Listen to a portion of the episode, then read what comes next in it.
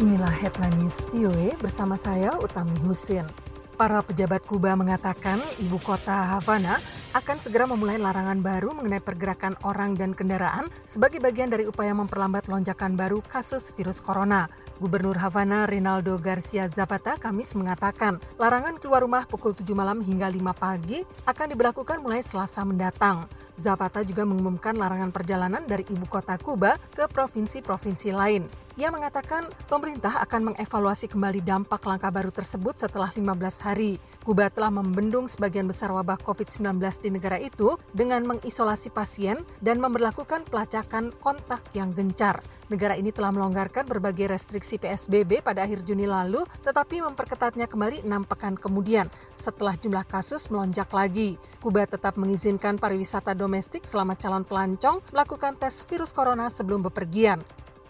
Kanselir Jerman Angela Merkel Jumat mengatakan ia memperkirakan mengatasi pandemi COVID-19 akan menjadi lebih sulit sementara tahun-tahun berlalu. Berbicara kepada wartawan di Berlin pada konferensi pers tahunan musim panasnya, Merkel mengatakan penanganan virus corona telah mendominasi tugasnya sebagai kanselir dan akan terus demikian dalam bulan-bulan mendatang.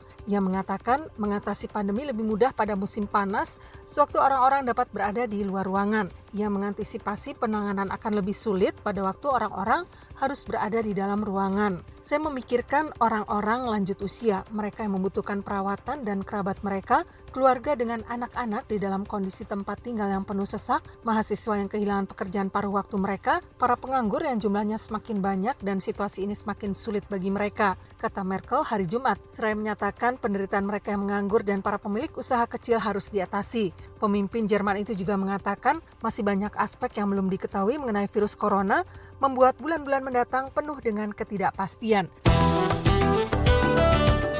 Ingin tahu berita menarik, terkini, dan terpercaya?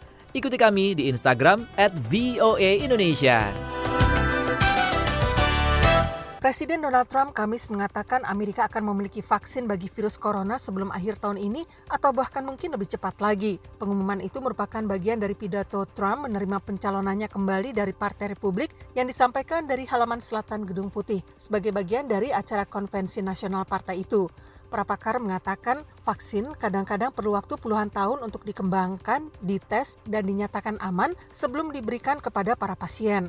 Namun harapan begitu tinggi bahwa suatu upaya internasional terpadu akan menghasilkan vaksin yang efektif tahun depan. Dalam beberapa bulan ini, negara kita dan seluruh planet telah diserang oleh musuh baru dan tak terlihat yang sangat kuat, kata Trump kepada hadirin yang sebagian besar tidak mengenakan masker dan tidak duduk dalam jarak 1,8 meter, praktik yang secara umum diyakini memperlambat penyebaran virus corona.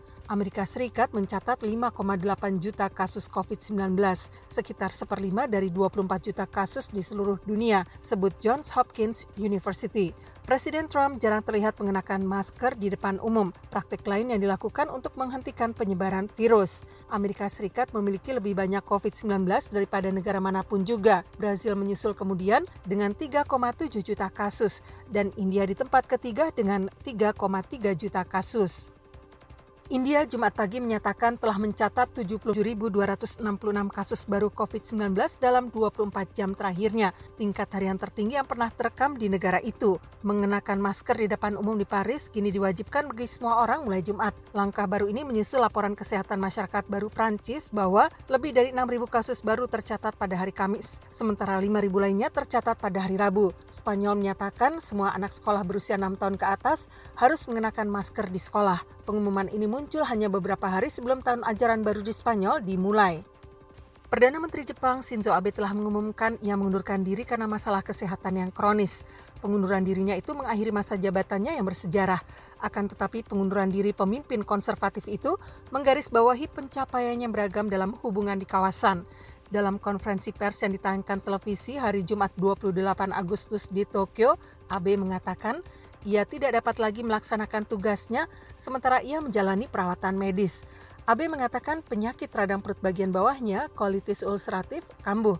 Pemimpin berusia 65 tahun itu telah berkuasa selama hampir 8 tahun, membuatnya sebagai Perdana Menteri yang paling lama menjabat di Jepang.